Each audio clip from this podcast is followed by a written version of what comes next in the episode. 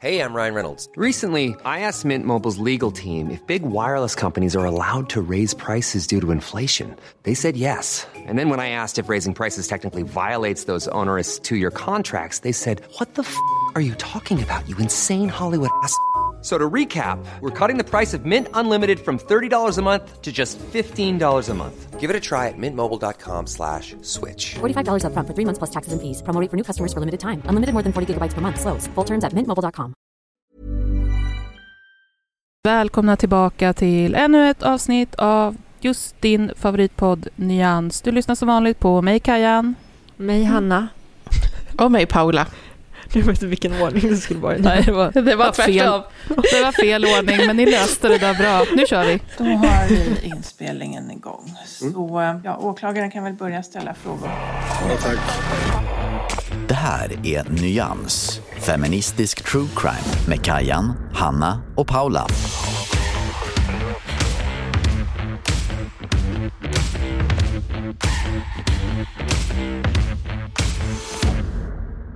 Jag såg hur Paula bara hur, liksom, hur överläppen aktiverades och samtidigt så kände jag hur orden kom ur min mun.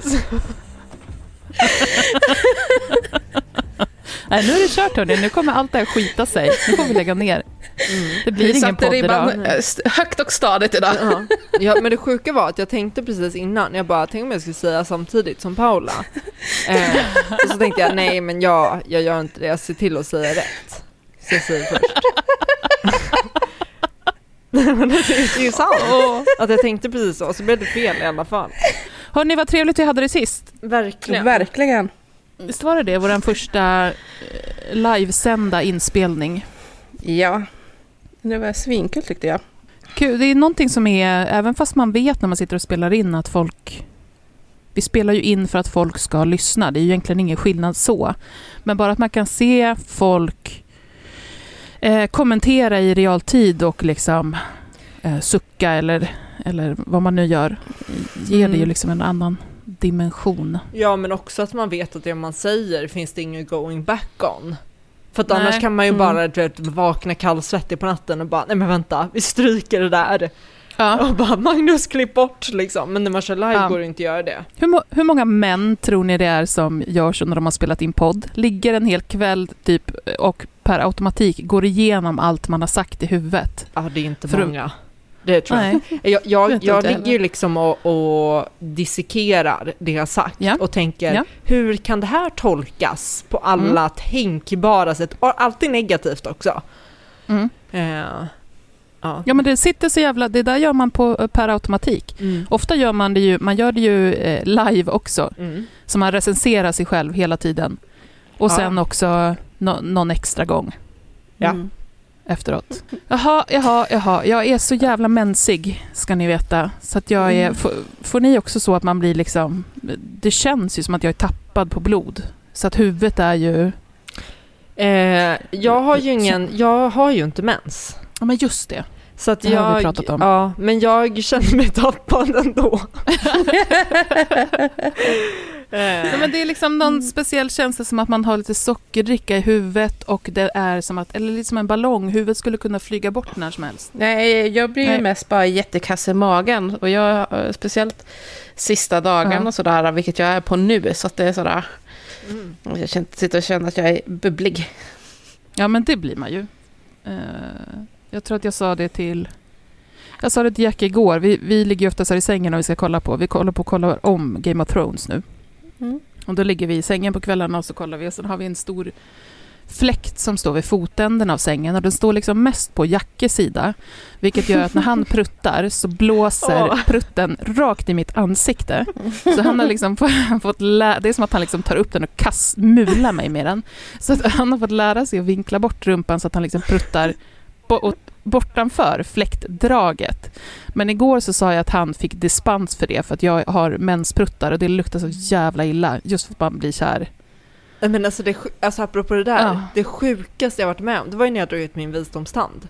Då åt ju jag alltså maxdos Alvedon och Ipren i en vecka. Mm. Jag tog ju liksom mer än vad som stod på paketet. Jag åt extremt mycket och min mage blev ju katastrof. Ja. Alltså, lyfte man på täcket. Det, det, det, det var det sjukaste. Alltså jag, jag, jag och Johan, vi sitter fortfarande och pratar om det här. För alltså jag Ja. visste inte att jag kunde producera någonting som luktade så äckligt. Det var, Nej. det var, det, det var, Nej, det, det luktar ju död. ja, men alltså det var, det var, det var liksom, jag kan inte ens beskriva det. Jag var ju, alltså jag, jag är amazed själv. Lite stolt. Ja, jag Lite men alltså stolt. är det, för det var, det var liksom Mm. den chocken när det, ja, det hände. Det var, ja. Jag är fortfarande stolt över jättebrakaren jag la av när jag skulle föda barn första gången. Gjorde du det? En Ja. fanfar? Jag var jätte inne på BB. Jag hade gått på verka jättelänge och så var vi inskrivna så hade jag fått en här monsterdos morfin och grejer för att jag skulle få en chans att försöka sova lite grann Mm. för att eh, värkarna började liksom stanna av för att jag var så trött. Och då hade jag ju liksom försökt att hålla inne lite grann på den där fjärten för jag hade folk runt omkring mig. Ja. Och eh, när barnmorskorna gick ut så att jag varit själv på rummet med mitt ex, då släppte jag ju på den. Och jag skojar inte att den höll i sig nonstop i 15 sekunder. Och jättehög. Det är som ett jävla ånglok som signalerar att det är på väg in. Liksom. Ja, men det var det sjukaste, alltså vi, vi bara garvade och garvade och garvade och bara fortsatte.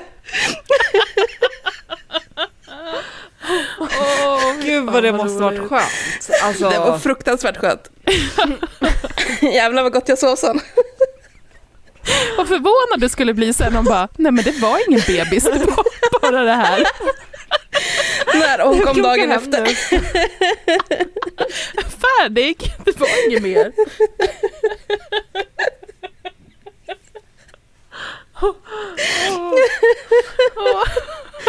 Jag är ledsen, det har varit falskt larm i nio månader. Ja, var så jävla pruttnödig.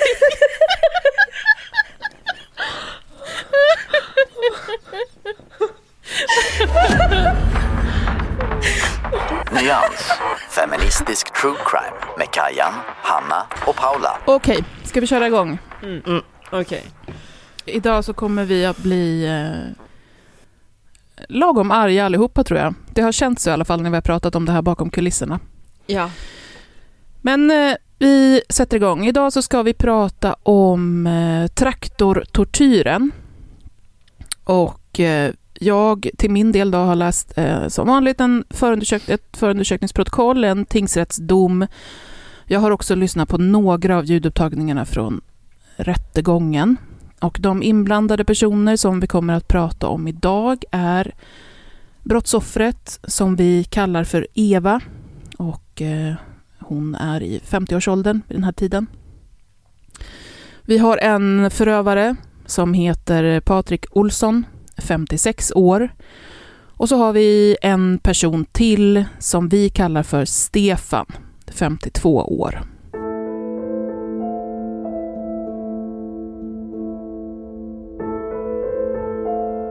Det är tidig morgon den 29 december 2022 när SOS får in ett samtal från en inringare som berättar att det ligger en medvetslös kvinna vid en traktor på en gård utanför Malmö. Man säger i samtalet att hon har legat ute hela natten. Man säger att hon har legat där i 7-8 timmar och att hon är lerig, hon är iskall och hon är också skadad. Vi ska hoppa direkt tillbaka till början av det här fallet och det börjar med att Eva och Stefan möts upp hemma hos honom den 28 december. Det här är två personer som tidigare haft en långvarig eh, kärleksrelation. Den varade runt åtta år. Det var en relation som tog slut eh, tidigare under 2022 och som dessutom präglades av verbalt och fysiskt våld från Stefans sida. När relationen tar slut så är Eva på behandling för våldsutsatta i nära relation. Hon får också en PTSD-diagnos. Det finns också en hel del dokumenterade skador, bland annat frakturer på handleder och sådär från den här relationen. Både Eva och Stefan har eller har haft alkoholproblem. Stefan är vid den här tiden, alltså december 2022, inne på ett behandlingshem för sin eh, alkoholism. Men han har också eh, runt den här tiden fått en egen lägenhet och han tycker att det känns som att saker eh, börjar vända. Han känner sig ganska ja, men motiverad och ser ljust på saker och ting.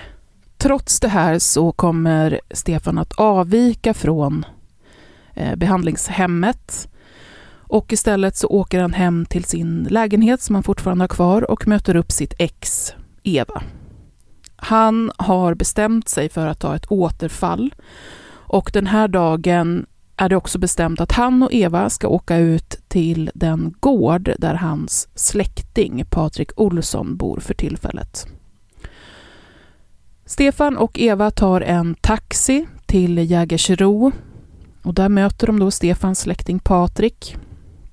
Eva och Patrik har aldrig träffats tidigare eh, så de hälsar på varandra och pratar lite och så går alla tre till Systembolaget. Patrik köper ett flak med 7,3-procentig öl. Eva, eh, oklart om hon köper det där eller redan har med sig, Eh, men hon har i alla fall en eh, box med vin, en bag-in-box.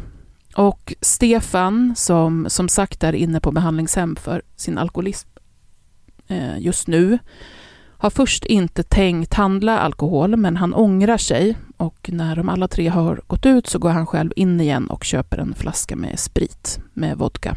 Sen åker de med Patriks traktor ut på landet och där bor han i en inomhusplacerad husvagn som står i en lada i princip på en äldre släktings gård. Där så kommer de att eh, käka lite grillad korv och så börjar de att dricka och det blir rätt snart stökigt. Enligt de här två männen så är det framförallt Eva som stökar en hel del. Hon välter bord och hon slår i plåtväggar och hon skriker och hon är eh, missnöjd med att det serverades korv som hon inte äter och så vidare. Stefan menar att han inte vill lägga sig i det här tjafset så mycket eftersom han har blivit polisanmäld av Eva flera gånger tidigare. Så han säger att han försöker göra sig så liten som möjligt medan Patrik och Eva bråkar. Till slut så vill Patrik att Eva ska ut ur ladan där husvagnen står hon säger att hon ska ringa en taxi för att åka därifrån. Och så blir hon tillsagd att gå ut. Och hon gör det och Patrik reglar då på insidan av ladan så att hon inte kan komma in. Stefan berättar att han hör Eva eh, skrika och banka där utanför. Hon skriker hans namn. Och han kommer att gå ut till henne i alla fall en gång under kvällen. Han går ut och säger att han ber henne att hålla sig lugn, tar det lite lugnare och så låter han henne komma in i ladan igen. Då är klockan 22.45 på kvällen och alla är eh, kraftigt berusade. Så Eva får komma in i ladan igen, men snart så blir det stökigt igen. Och Stefan berättar att Patrik, som märker att Eva kommer tillbaka in i ladan igen, blir väldigt arg och börjar skrika på henne. Stefan menar att Patrik skriker ”Vad fan, har du släppt in henne igen?” och att han går ut med orden ”Nu jävlar”. Det är fortsatt skrik en stund, berättar Stefan, att han hör att eh, de två skriker på varandra, men sen efter ett tag så blir det ganska tyst. Stefan kommer att säga att han tror att nu har Eva åkt till den här taxin som hon pratade om och han lägger sig på soffan inne i husvagnen och somnar. Men Eh, på den här fastigheten, på den här gården, så sitter det övervakningskameror. Ja, de här filmar ut precis vid öppningen av ladan och ut mot gårdsplanen. Och på övervakningskameran så kan man se hur någon, det är inte så jättebra kvalitet utan man ser mest en eh, lite ja, diffus figur. Men man ser hur någon vid 22.45 är ute och grejar med rep eh, pysslar runt med traktorn och sen till slut också kör iväg med traktorn och man kan se att det är någonting som släpas bakom. Morgonen efter berättar Stefan att han vaknar tidigt eh, och går ut för att kissa. Han säger då att han ser något ligga på gårdsplanen bakom traktorn men att han tänker att det är något skräp, någon vit plastsäck eller någonting. Så han går in igen och väntar in sin taxi som han har ringt och så går han ut till den när den kommer. Och när han bara har åkt en liten bit med den så kommer han på att han har glömt något. I inledande förhör så tror han att det kan vara hans sprit eller cigaretterna eller vad det kan vara, men det kommer komma fram sen att det är hans plånbok. Så taxin vänder och de åker tillbaka. Och Stefan säger att det är när han går tillbaka för att hämta det som han har glömt eh, som han kommer att se det som ligger på gårdsplanen. Och han ser det nära nog för att den här gången upptäcka att det är Eva som ligger där. Hon är livlös, hennes byxor är neddragna till knäna. Hon har fortfarande eh, trosorna uppe, uppdragna, men byxorna är neddragna. Hon är lerig, hon har eh, synliga märken på kroppen och hon eh, är eh, medvetslös och iskall. Stefan har sin telefon på sig. Han har ju ringt taxin på den tidigare. Men trots det så larmar han inte på den utan springer först in och väcker Patrik, eller hämtar Patrik, som kommer ut och ska titta om Eva lever. Och först efter det så springer Stefan bort till taxichauffören och säger till denne att larma. Och han säger att han måste larma för att hon lever inte. I förhör så uppger han att han tog ingen puls men att han antog att hon var död för att han kände på henne hon var väldigt kall. Stefan berättar också i förhör att Patrik vid ett tillfälle här på morgonen frågat om Eva har några skador på kroppen för att han bundit henne och dragit henne med traktorn. Det här kommer Stefan ta som ett dåligt skämt, säger han. Så han tar det inte på allvar. På områdets övervakningskameror eh, kommer man att kunna se att det här som Stefan precis har uppgett med hur det gick till när han kom tillbaka med taxin och, och såg Eva och hämtade Patrik och sen sprang och larmade, att det inte riktigt har gått till så. Man kan till exempel se att det går hela tio minuter från att man hör männen säga ”där ligger hon ju” till det att man hör någon säga att man ska springa till taxin och be chauffören larma. Eh, så tio minuter tar det där. Och det är alltså mycket längre tid än det som Stefan har berättat om. Det är också taxichauffören som gör HLR på Eva. Eh, vare sig Stefan eller Patrik hjälper till. Chauffören kommer också att vittna om att de här båda männen står lite på avstånd men att de båda säger till honom att han inte ska röra Eva. Men att han med stöd av eh, operatören i telefonen eh, struntar i det och gör HLR ändå. Vi ska vara väldigt tydliga redan här med att det är den här taxichauffören och hans HLR och hans agerande som räddar Evas liv. Polis och ambulans kommer till platsen och Eva körs till akuten. Och när hon hittas så är hon alltså otroligt nedkyld. När de kommer in till akuten har hon en kroppstemp på 21,7 grader. Initialt har hon heller ingen hjärtaktivitet, men den kommer tillbaka när temperaturen i kroppen stiger. Hon har skador på kroppen som man bedömer kan komma efter att den har släpats mot ojämnt underlag. Hon har även skador som man bedömer skulle kunna komma ifrån sparkar och grepp. Och det här hjärtstoppet bedömer man har utlösts av nedkylningen. Det är alltså i princip vid nyår. Hon ligger utomhus en hel natt. Men Eva överlever alltså hon kommer däremot inte ha några som helst minnen från kvällen eller morgonen alls. Eh, det är faktiskt ännu fler dagar där innan som hon heller inte kommer ihåg. Hon mår otroligt dåligt över det som hon ändå i media till exempel kan läsa om har hänt henne. Eh, hon tycker att det är fruktansvärt obehagligt och också att inte komma ihåg någonting. Och den här minnesförlusten menar man beror på att hon i samband med den här händelsen fick syrebrist till hjärnan. Man kan kort och gott säga att Eva var död. Så egentligen så är det verkligen mot alla odds att hon, att hon överlevde den här extrema nedkylningen och också hjärtstoppet och syrebristen till hjärnan. Eh, hon kommer under rättegången själv berättat hur man på sjukhuset pratar om henne som, som miraklet som liksom överlevde fast det egentligen inte var möjligt.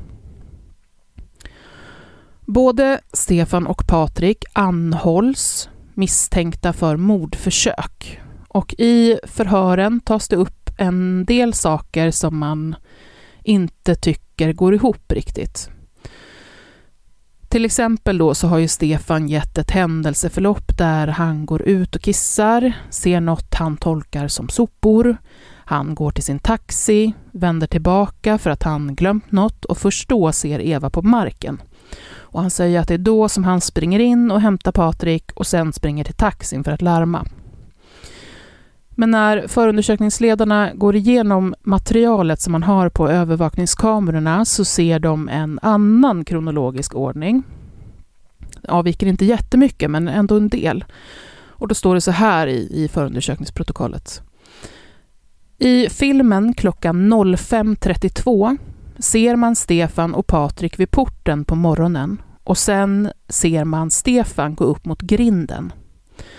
Då hör man Stefan säga ”Där är hon ju”. Sen säger Patrik någonting. Stefan säger ”Hej Patrik” och Patrik svarar ”Hej”. Taxichauffören hämtar upp Stefan klockan 05.35. Och det är först, om jag bara ska förtydliga nu då, så ehm, um, 05.32, där i kort anslutning till det, så kommer man höra att Stefan säger där är hon ju, alltså att han har upptäckt Eva. Och sen kommer hans taxi inte förrän 05.35, så det går inte alls ihop med det här som han har berättat, att han, att han först ser henne när han återvänder med taxin en bra stund senare. Och sen kan man ytterligare se att det är först 05.42, det vill säga hela tio minuter från att den här situationen där man säger där är hon ju börjar. Som man hör att någon säger att eh, den ska gå upp till taxichauffören och larma. Men eh, Patriks utsaga då? Vad säger han har hänt? Ja, men han är rätt vag. Han berättar något liknande som Stefan när han beskriver hur Eva eh, stökar och bråkar så säger han att hon kastade ägg på husvagnen, att hon körde en kniv i det lilla eh, campingbordet som stod utanför. Han säger att han, när han skulle kasta ut Eva, några gånger fick eh, ta tag i henne rent fysiskt och att sista gången han ska eh, kasta ut henne så knuffar han ut henne. Och han tar då också hennes skor och hennes väska och kastar ut efter henne. Men han kommer säga att han efter att han har slängt ut henne den här sista gången eh, går och lägger sig. Och att han inte kan komma ihåg att det har hänt några mer konstigheter efter det. När förhörsledaren eh, konfronterar Patrik med det Stefan har uppgett om att han har sagt någonting om att han har dragit Eva efter traktorn så säger han helt enkelt att han inte minns. Eh, han minns inte det. Men om det var så så borde det finnas med på film då. Så att, eh, han säger att han inte kan svära sig fri från det, men att han inte minns det. Sen säger han samtidigt saker också som att eh, Eh, det bara kan vara han som har kört traktorn, om den nu har körts, eftersom han är den enda som vet var nyckeln hänger. Han kommer också i förhören när man går igenom de här, det här materialet från övervakningskameran eh, peka ut sig själv och säga att det där ser ut som jag. Men den personen som då stökar med traktorn och håller på med ett rep. Eh, man skickar upp en drönare som tar bilder över området runt gården och då kan man se färska traktorspår som går ut en bit mot åken och sen gör en sväng och eh, åker runt och tillbaka. Och när man tittar på det där så kan man också mellan de här spåren se ett släpspår. Det ser ut som att det är någonting som har släpats efter. Och runt vid de här spåren så kommer man i leran också att hitta en av Evas vantar. Så båda eh, tas in på misstanke. Stefan kommer att släppas och helt frias från misstanke. Man bedömer att han inte är inblandad i något brottsligt som har skett. Så det kommer bara att vara Patrik som blir åtalad. Jag har varit inne på det lite grann med att jag tycker att det finns en hel del oklarheter både i FUP och i domen rörande Stefans inblandning. Men eh, det kan vi väl gå igenom i diskussionen, tänker jag. För jag tänker att ni också har saker att säga där. Så att Hanna, du får ta över. Nyans. Feministisk true crime med Kajan, Hanna och Paula. Nyans. Feministisk true crime med Kajan, Hanna och Paula. Patrik åtalas för försök till mord i tingsrätten i första hand och i andra hand, för det fall då tingsrätten finner att det inte rör sig om ett försök till mord, så yrkar åklagaren på grov misshandel. Som så vanligt så påstår ju Patrik att han varken kan erkänna eller förneka gärningen eftersom att han inte har någon minnesbild från händelsen. Men han menar att han inte ska dömas oavsett eftersom att han inte haft uppsåt till varken mord eller grov misshandel. Men han erkänner i ett förhör eh, i tingsrätten att, att han eh, visste var nycklarna till traktorn var och om det är någon som kört den så borde det ha varit han. Så det går han ändå med på att det ligger till på det sättet. Tingsrätten börjar med att gå igenom skadorna på Eva och då säger de så här. Det är vidare klarlagt att Eva hittats livlös utomhus av Stefan på morgonen nästföljande dag. Eva hade då hudavskrapningar och blånader över kroppen samt var svårt nedkyld. Till följd av nedkylningen fick hon hjärtstillestånd. Och det här menar man att det ligger till på det här sättet, det är klarlagt. Mm, tingsrätten menar också att det tveklöst har gått till på så sätt att Eva bundits fast bakom traktorn och släpas runt. Och den bevisningen som finns för att det, har, det är det som faktiskt har hänt eh, Ehm, är att, för alla på, ingen kan ju liksom vittna om att de har sett det, men det man har är, dels hittar man en av hennes vantar ute på fältet, hon var lerig på undersidan av kroppen och hennes byxor hade ju, som Kajan också nämnde, dragits ner en bit. Ehm, och i förarhytten på traktorn så hittar man ett fuktigt och lerigt rep. Och sen har vi övervakningskameran eh, och då, som då, ja, det finns en film där man kan se att traktorn körs och att det är någonting som släpas efter den. Sen finns det ju spåren på, på fältet. Så att man menar liksom att det, det är bevisat att det är det här som har hänt. Sen så menar tingsrätten också att det är klarlagt att det är just Patrik som är den som har kört traktorn. Och det är för att det är han som visste var nycklarna fanns och att det bara ska ha varit han som visste var nycklarna var. Den stora frågan för tingsrätten blir ju om Patrik har försökt, liksom genom sitt agerande, försökt att beröva Eva livet. Och det här handlar ju om hans uppsåt, för hade han inte, ja men har han haft uppsåt till att hon ska dö egentligen? Eh, och här så är det väldigt, väldigt eh, futtigt kan man väl säga med resonemang från tingsrättens sida. Egentligen så konstaterar tingsrätten bara att det inte finns någon rimlig förklaring till Patriks agerande och att det i kombination med att Patrik själv uppgett att han inte såg sig som ansvarig för Eva utan att det var Stefan som var ansvarig för Eva så menar tingsrätten att det inte är bevisat att han hade någon form av uppsåt att beröva henne livet. Och på grund av det, eftersom att det inte fanns uppsåt för det, så är mord uteslutet. Däremot så döms han för grov misshandel. Och det, det är, inget, det är inget mer resonemang kring, kring uppsåtet än så här. Det är en torftig dom. Väldigt torftig, väldigt kort. Eh, det är mest bara konstateranden och inte så mycket resonemang, liksom resonemang kring hur man har kommit fram till ett visst konstaterande. Ja. Eh, och angående straffet så säger tingsrätten bara att det är tre års fängelse. Och ingenting mer än så säger man kring det. Eh, jag har eh, sökt med ljus och lykta efter huruvida den här domen har överklagats. Och jag har inte kunnat hitta att den skulle ha överklagats. Däremot så har ju inte överklagande fristen gått ut ännu. Så att det finns ju fortfarande möjligheter för parterna att överklaga det. Så det får vi ju se. Jag har en känsla av att det inte kommer bli så. Och det, det är... Åklagaren lär väl överklaga? Jag vet inte. Tror inte det? Eh, jag tror inte, alltså jag hoppas ju, jag hoppas att åklagaren överklagar. Det hoppas jag verkligen. Eh, så jag ska, jag ska hålla koll på det här. Jag tycker att det är fel. Jag, hade, jag tycker att man åtminstone borde ha resonerat kring mer kring uppsåtet till försök till mord.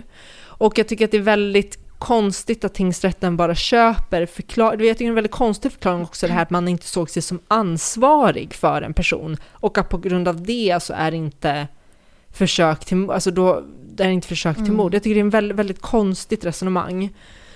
Ehm, och jag tänker framförallt på det här med, jag går in på likgiltighetsuppsåt direkt, för det är ju det man tänker, den lägsta graden av uppsåt är ju likgiltighetsuppsåt.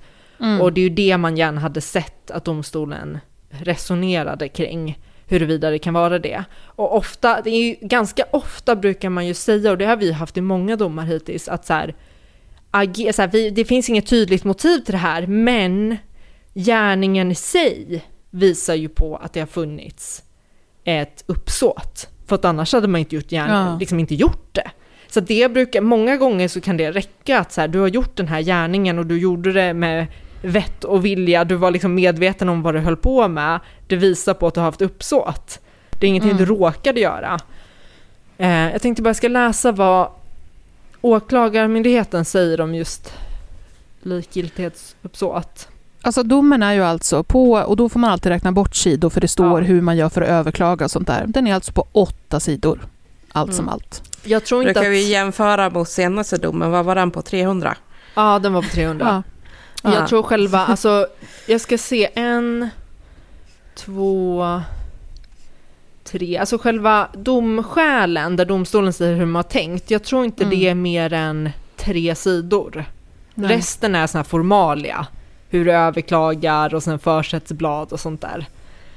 Eh, Och alltså det här, för det här det är så himla eh, viktigt tycker jag, det här som du var inne på Hanna, med hur, det här med vems ansvar man ansåg att Eva var.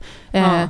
Det står alltså så här i domen. Det har inte heller framkommit uppgifter som ger någon rimlig förklaring till Patrik Olssons agerande. Denna osäkerhet i kombination med att Patrik Olssons uppgift om att han ansåg att Eva var Patriks ansvar gör att det inte är visat eh, att han agerat med någon form av uppsåt att beröva Eva livet. Han ska därför inte dömas för försök till mord ja, det är jättekonstigt. That's it! Ja, nej men det är jätte- jättekonstigt. Och jag, jag, vad, vad menar de ens med att han inte såg det som sitt ansvar? Alltså vad, vad betyder det ens? Det är jättekonstigt. Eh, så här, och när vi kommer till just det här med likgiltighetsuppsåt så säger eh, Åklagarmyndigheten att likgiltighetsuppsåt utgör den nedre gränsen för uppsåt, så som vi har pratat om. I detta fall har gärningspersonen varit medveten om risken för effekten, till exempel att en person kommer dö, och också varit likgiltig till att effekten skulle inträffa eller till att det fanns en gärningsomständighet. Så att det man egentligen säger är att man ska vara dels medveten om att det, eller man ska vara medveten om att det finns en risk för att en person kommer dö och man inte bryr sig om den, liksom man är likgiltig inför att den personen dör. Man bryr sig inte Ja. om personen dör och man är medveten om en risk. Och då står det, exa- efter det stycket jag läste, så står det ordagrant så här. Han har dock orsakat henne skador och genom att låta henne ligga kvar utomhus försatt henne i ett livshotande tillstånd. Ja, så det man hade velat se domstolen resonera kring, det var i så fall dels så, så eh, till en början med, hade han, var han medveten om risken för att hon skulle dö? Det är det första. Var han medveten om att lämnar man en person ute mitt i vintern eh, under en hel natt efter man släpat den runt på eh, ett fält. Eh, liksom, dels finns det en risk för att personen skulle dö, ja, det gjorde det uppenbarligen. Sen hade man velat se, var han medveten om den risken? Om svaret är ja, han var medveten om den risken, då hade man velat veta i nästa led då, är han lik, likgiltig inför att hon dör? Och jag tycker ju att hans agerande tyder på det, åtminstone Ja. så pass mycket att man borde resonera kring det.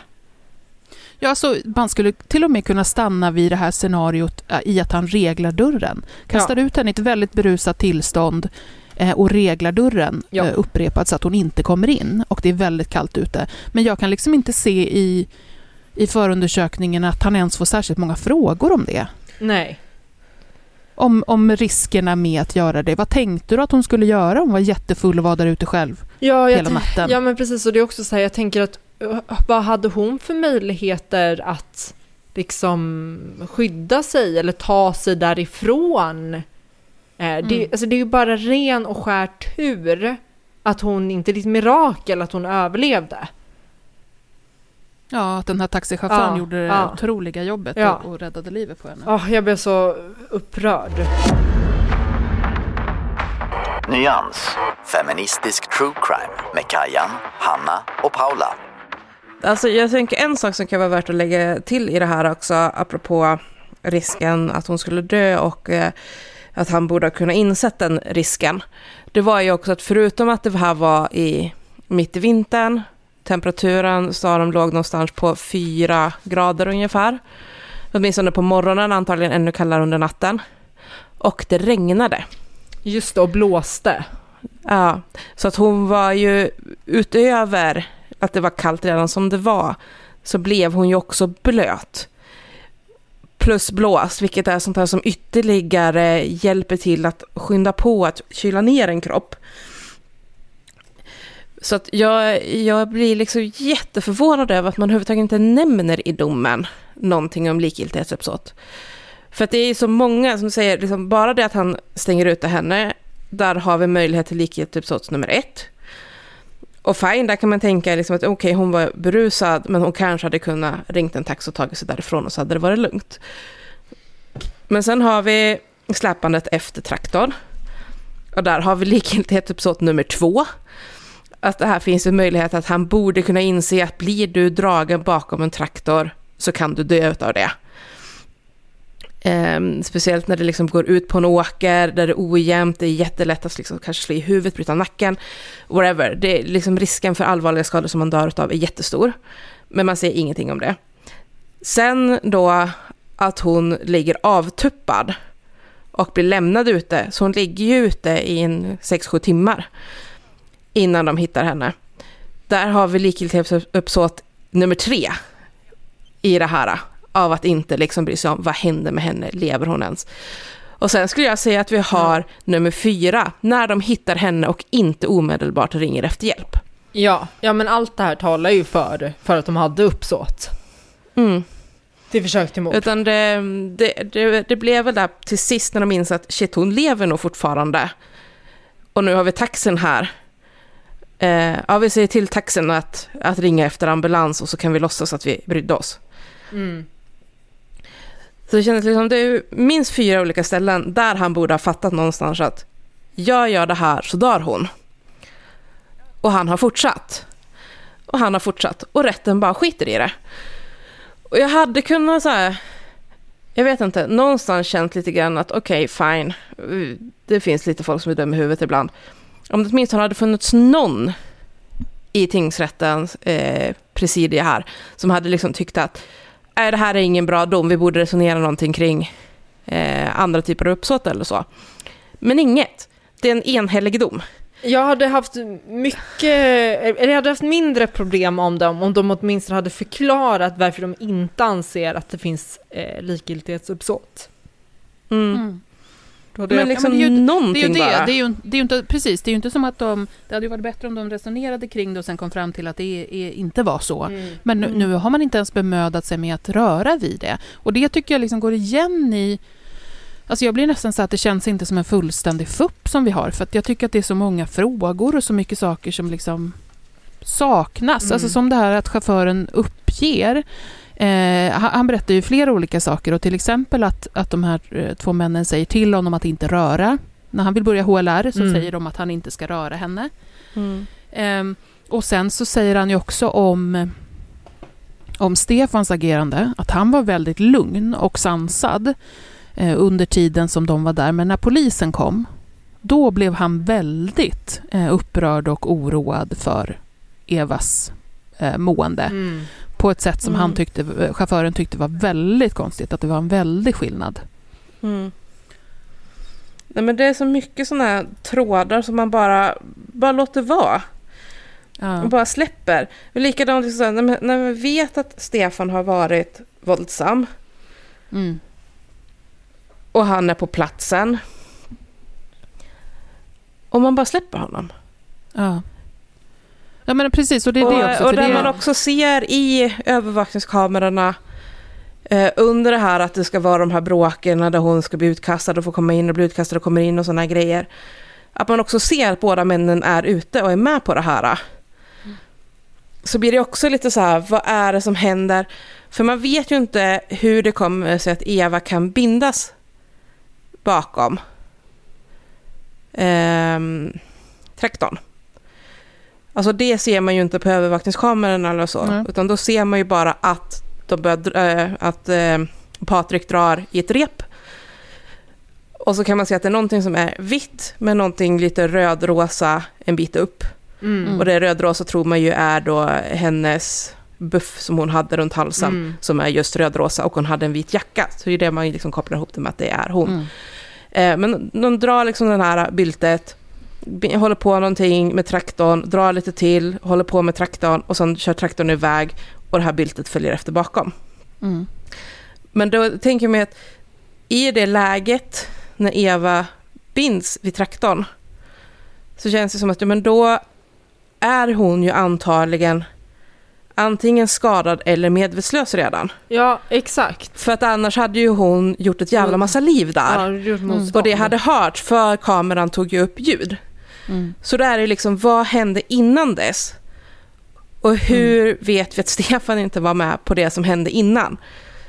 Ja, och grejen med Vilket liksom, ger egentligen ger ytterligare då, när Ja. likhetsepisodet, att han, alltså, Patrik måste ha tagit en redan livlös Eva och börjat dra iväg bakom. Mm. Och då är det ytterligare så att, ja, men är det redan någon som är avsvimmad och du börjar släpa det efter en, en traktor, så borde ju liksom vem som helst fatta att det här är någonting man kan dö utav. Mm. Och ändå resonerar man, ja, jag blir så frustrerad över att man inte resonerar Ja. kring det.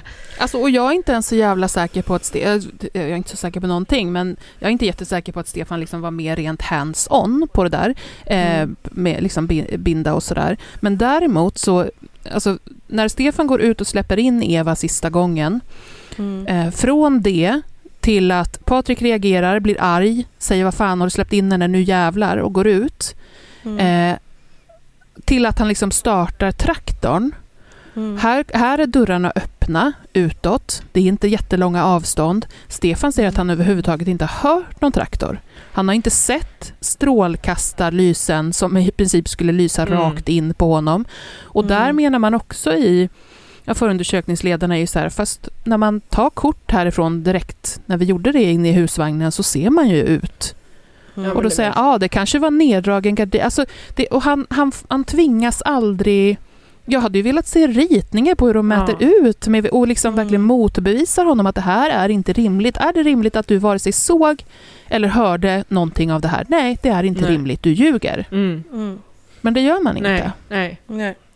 Och det är som att man bestämmer sig för att eh, direkt när Patrik säger att nej, men det är bara jag som kunde köra, köra traktorn. Ja, men då är de så här, då är det klart. Då behöver vi Ja. inte anstränga oss Mm. mer. Vi, det Då är har vi han, honom så- och då släpper vi. Ja, Mm. det räcker och det är så. obegripligt. Ja.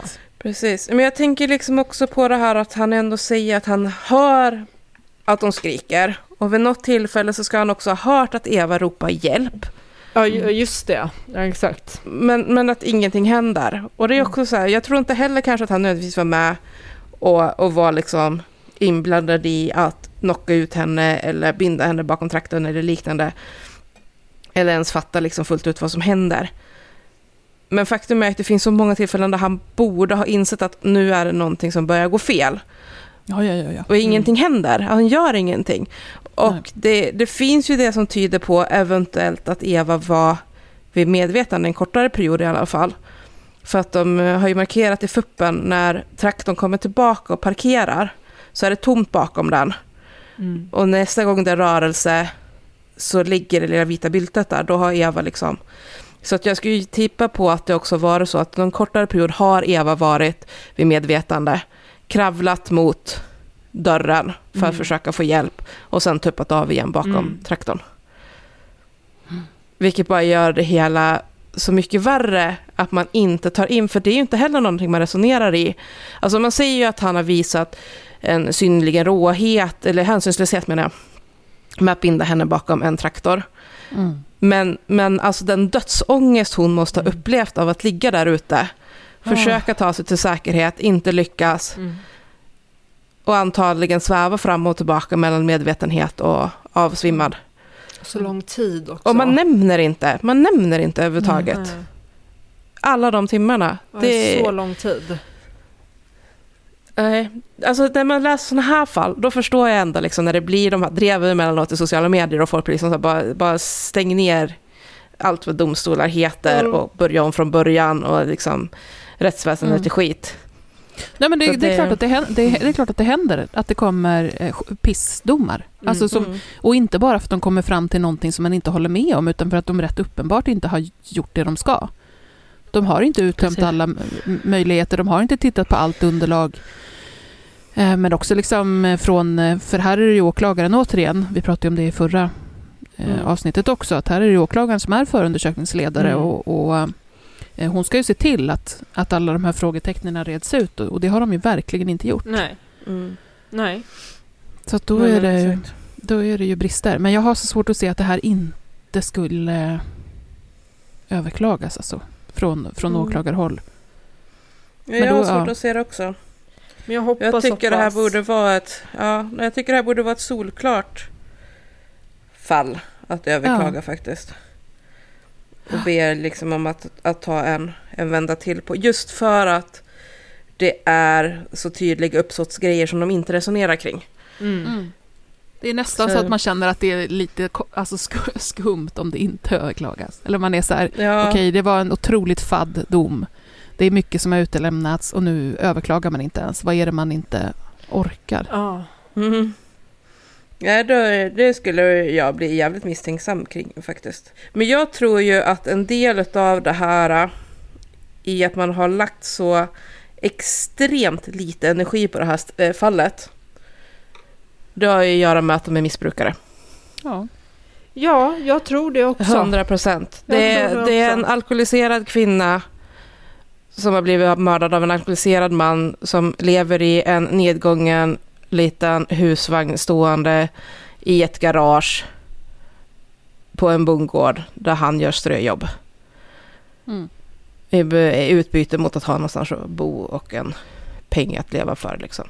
I min värld så är det, det är så uppenbart att man liksom bara har känt någonstans att ja, men de här fyllskallarna, de har inte en aning om vad som är upp eller ner. Mm. Så det är klart Nej. att han inte har fattat vad han håller på med och det här inte är... Ja, fin, inte finns ett Nej. uppsåt i det här. Och, att, och det är därför man inte resonerar kring de här olika typerna av uppsåt. Utan det är liksom mer... Jag tänker i FUPPE så gör man ju också prata om att eh, Stefan framförallt, att han är så osammanhängande Mm. Mm.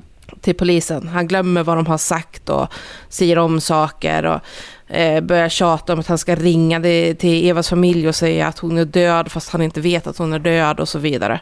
Mm. Ehm, och, och fram och tillbaka. Så jag tror att det spelar in också, liksom, så att man, man liksom etikerar dem som berusade och virriga som har blivit tjuriga och inte fattat vad de håller på med. Mm. Ja, och för det är ju en jävla massa hänvisande till hur, hur packade de måste ha varit. Mm. Eh, och, och, det är klart att det ska tas upp och, och nämnas och, och vara med och vara en del av bilden. Men här finns det Mm. också en väldig massa annan bevisning. Eh, och Mm. de sakerna som eh, två av personerna kommer ihåg går i linje med varandra och eh, täcks ju också upp till stor del av bevisningen. Så det Mm. ska inte vara en sån... Det ska inte kunna vara att man hänvisar till att alla var fulla så vi vet inte vad som hände. Nej. Nej, det borde inte kunna vara det. Nej. Nyans, feministisk true crime med Kajan, Hanna och Paula. Eh, jag tänkte att vi skulle ta och prata lite grann om hur eh, Elon Musk har eh, fixat sin AI på Twitter till att nu banna alla konton som skriver någonting om cis-personer. Och alltså använder Alltså, begreppet cis. Dra, dra åt helvete. Nej. Alltså dra åt helvete bara. Alltså jag orkar inte med, jag, jag orkar inte med den där människan. Jag orkar inte med. Alltså det känns ju som att när Trump-röven blev president så gick världen över någon slags, eller världen, USA gick Mm. över någon slags gräns som till och med de kanske har haft. Men då Ja. bara släpper man på all Alla jävla hämningar. skit. Alla Och hämningar. nu bara, nej men vem som helst får bestämma vad som helst. Det blir jättebra. Men Mm. alltså, jag är verkligen väldigt oroad över hur mycket makt sociala, alltså stora techföretag har och hur de Mm. tillåts styra yttrandefriheten. Mm. Jag tycker det är oer... jag, alltså, soci- sociala medier är ju extremt odemokratiskt till att börja med. Och Mm. bara allt det här med algoritmer och sånt där. Jag tycker det är ett stort fett problem, ett demokratiskt problem, att Mm. vi inte har någon kontroll över sociala medier som samhälle. Jag tycker Alltså, alltså, fra- Mm. framförallt eftersom att det går under flaggen som att vara ett, ett demokratiskt verktyg. Ja men det är inte det. Alltså, Mm. jag Nej, har ju men, och det gör det ja. värre. Men det var ju bara så, jag, jag, har, jag har en miljard exempel på när jag har liksom blivit, mina inlägg har blivit bortplockade och jag har blivit varnad för att jag har Mm. kritiserat det någon har gjort. Jag, ihåg, jag, jag kritiserade framförallt på TikTok, så här, typ, jag vet inte om ni känner till så här Garga Snipes, vad det är? Det är människor som, som mobbar andra människor som de tycker är fula. Så då filmar de dem Mm. på stan och lägger upp det på TikTok Mhm. under hashtaggen Mm. Garga Snipes. Och då så hade, gjorde jag en TikTok där jag beskrev hur det kunde vara olagligt Mm. att göra det här. Mm. Och då blev jag, mi- mitt konto blev varnat och Mm. den blev plock, Mm. bortplockad. Mm. Och det här hände hela tiden, hela tiden. Ja, så, men så där har jag fått när jag, när jag har bara lagt upp en skärmdump på när någon har skrivit att jag borde ta livet av mig för att jag är så fet. Ja, ja men alltså Bara, åh! bara lagt upp en skärmdump på det Ja. Mm. och då blir det bortplockat och så får man varning.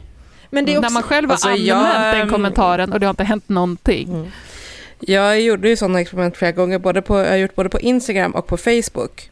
Eller snarare på samma, alltså lagt upp en grej på Instagram Mm, Mm. som automatsdelas på Facebook. mm, För det står ju i Metas användarvillkor att det gäller samma regler på Instagram som på Facebook. Mm. Och så när jag kollat, var blir, och, det har alltid varit då skärmdumpar från saker som jag har anmält för att det är typ rasistiskt eller naket Mm. innehåll eller liknande, typ från porrsajter som finns på Mm. Facebook eller sådär.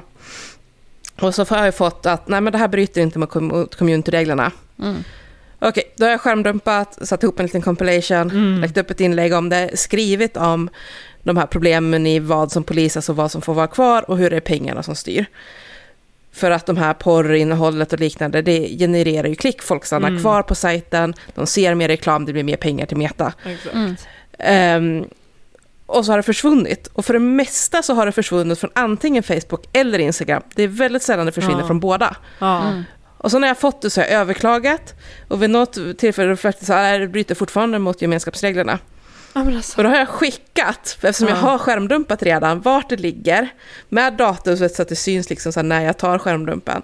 Och så har jag fått mejla Meta, där man kan bifoga bilder. Mm. Och så har jag bifogat att det här är de bilderna, det här är liksom mitt, som ni säger bryter Mm. mot reglerna. Mm. Det här är där jag hämtade bilderna. Mm. Och det här är svaret jag fick när jag anmälde dem. Ja. Bestäm er. Ja. Ja. Ja. Make it make sense. Ja. Make it make sense. Ett, vid ett tillfälle, då fick jag plötsligt på det, mina anmälningar att, att Meta har ändrat sitt beslut. Mm. Och de har plockat bort bilderna. Och så var jag fortfarande bannad i en vecka eller något sånt där. Mm. Men i alla andra tillfällen, och det är några gånger jag har gjort det här nu, eh, så har jag fått tillbaka Mm. alla Mm. rättigheter på mitt konto och man har lyft bannen liksom. Mm. Mm. Men de, de eh, ja.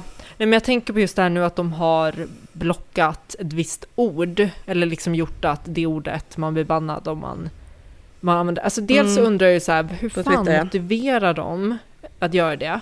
Och sen så, jag bara så här noterar att det här händer, alltså det, de gör ju på det här sättet liksom. För Mm. att, att kontrollera, alltså åh, jag vet inte, jag blir bara, jag blir frustrerad. Men alltså hur mycket tror ni inte att det är en också strategi för att hålla sig eh, relevant eller liksom skapa Ja. snackisar? Alltså gör, gör han sådana grejer och också att det liksom går under hans namn så kommer det bli hashtags och det kommer bli liksom snackisar och stora diskussioner på det forumet Mm. om det. Så det lär Ja. få en jäv... Och man hamnar på nyheterna och det liksom... Mm. Alltså i hans fall så tror jag också att det är lite så här att eh, folk började ju lämna Twitter och Facebook sådana här grejer för den här ryska, eh, vad fan heter den nu då, Telegram. Ja. Alltså mycket så här högerfolk. Mm. Och jag tror ju någonstans att Elon har ju bestämt sig för att men det är hans, hans boys. Ja, Han ska få tillbaka dem liksom. Ja, Ja. Och han har ju också. lyckats också.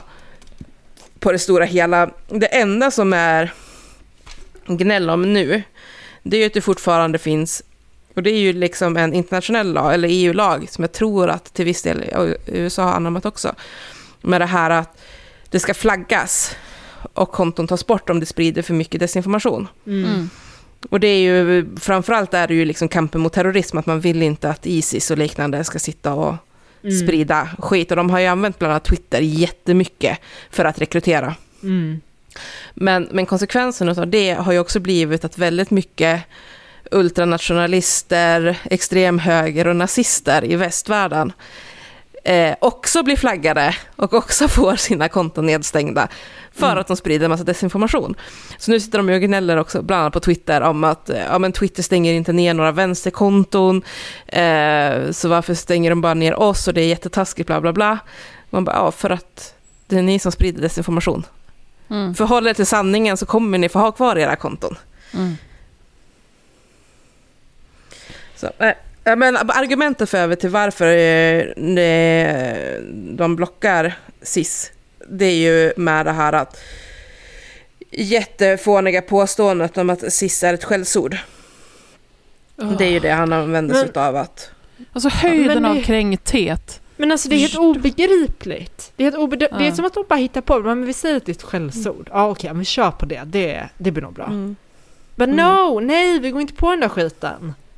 Man kan ju säga det om män också. Ja. Om det används Mm. väldigt mycket i, i, i feministisk diskurs så kan man säga nej, du får inte, du får inte säga män.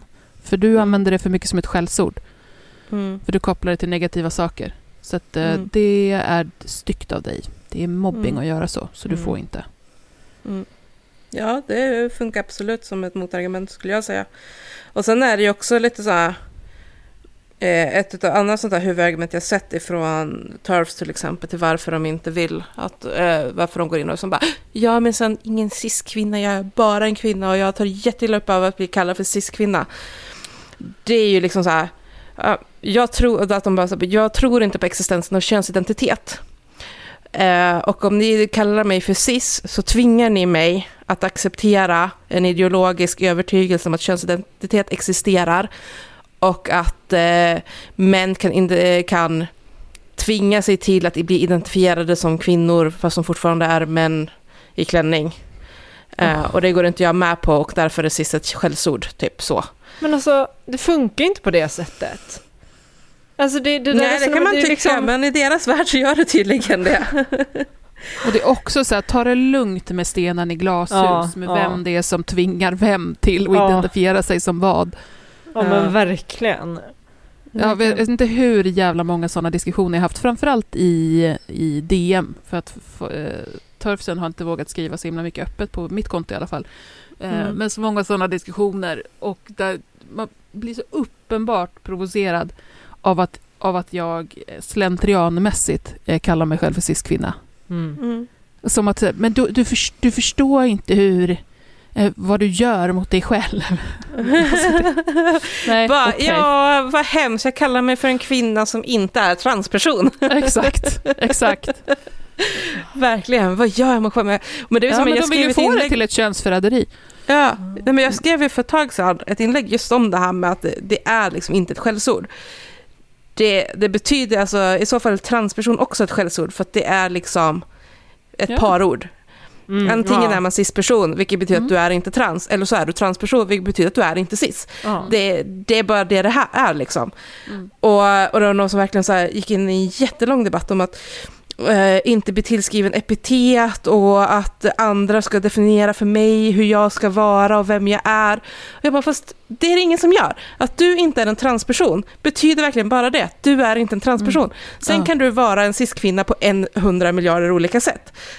Det är ingen som säger hur du ska vara kvinna som. Nej. Bara att du är en kvinna som saknar transerfarenhet. Mm. Och transkvinnor är kvinnor med transerfarenhet. Mm. Och cismän Men det- är män som saknar transerfarenhet. Transmän är är, män med transerfarenhet. Alltså, det är Mm. inte så jävla Det är ju komplicerat. exakt samma eh, retorik och platta jävla argumentation som när, när eh, kränkta vita personer säger att du, må, du får inte hänvisa till mig som vit för det är faktiskt rasism.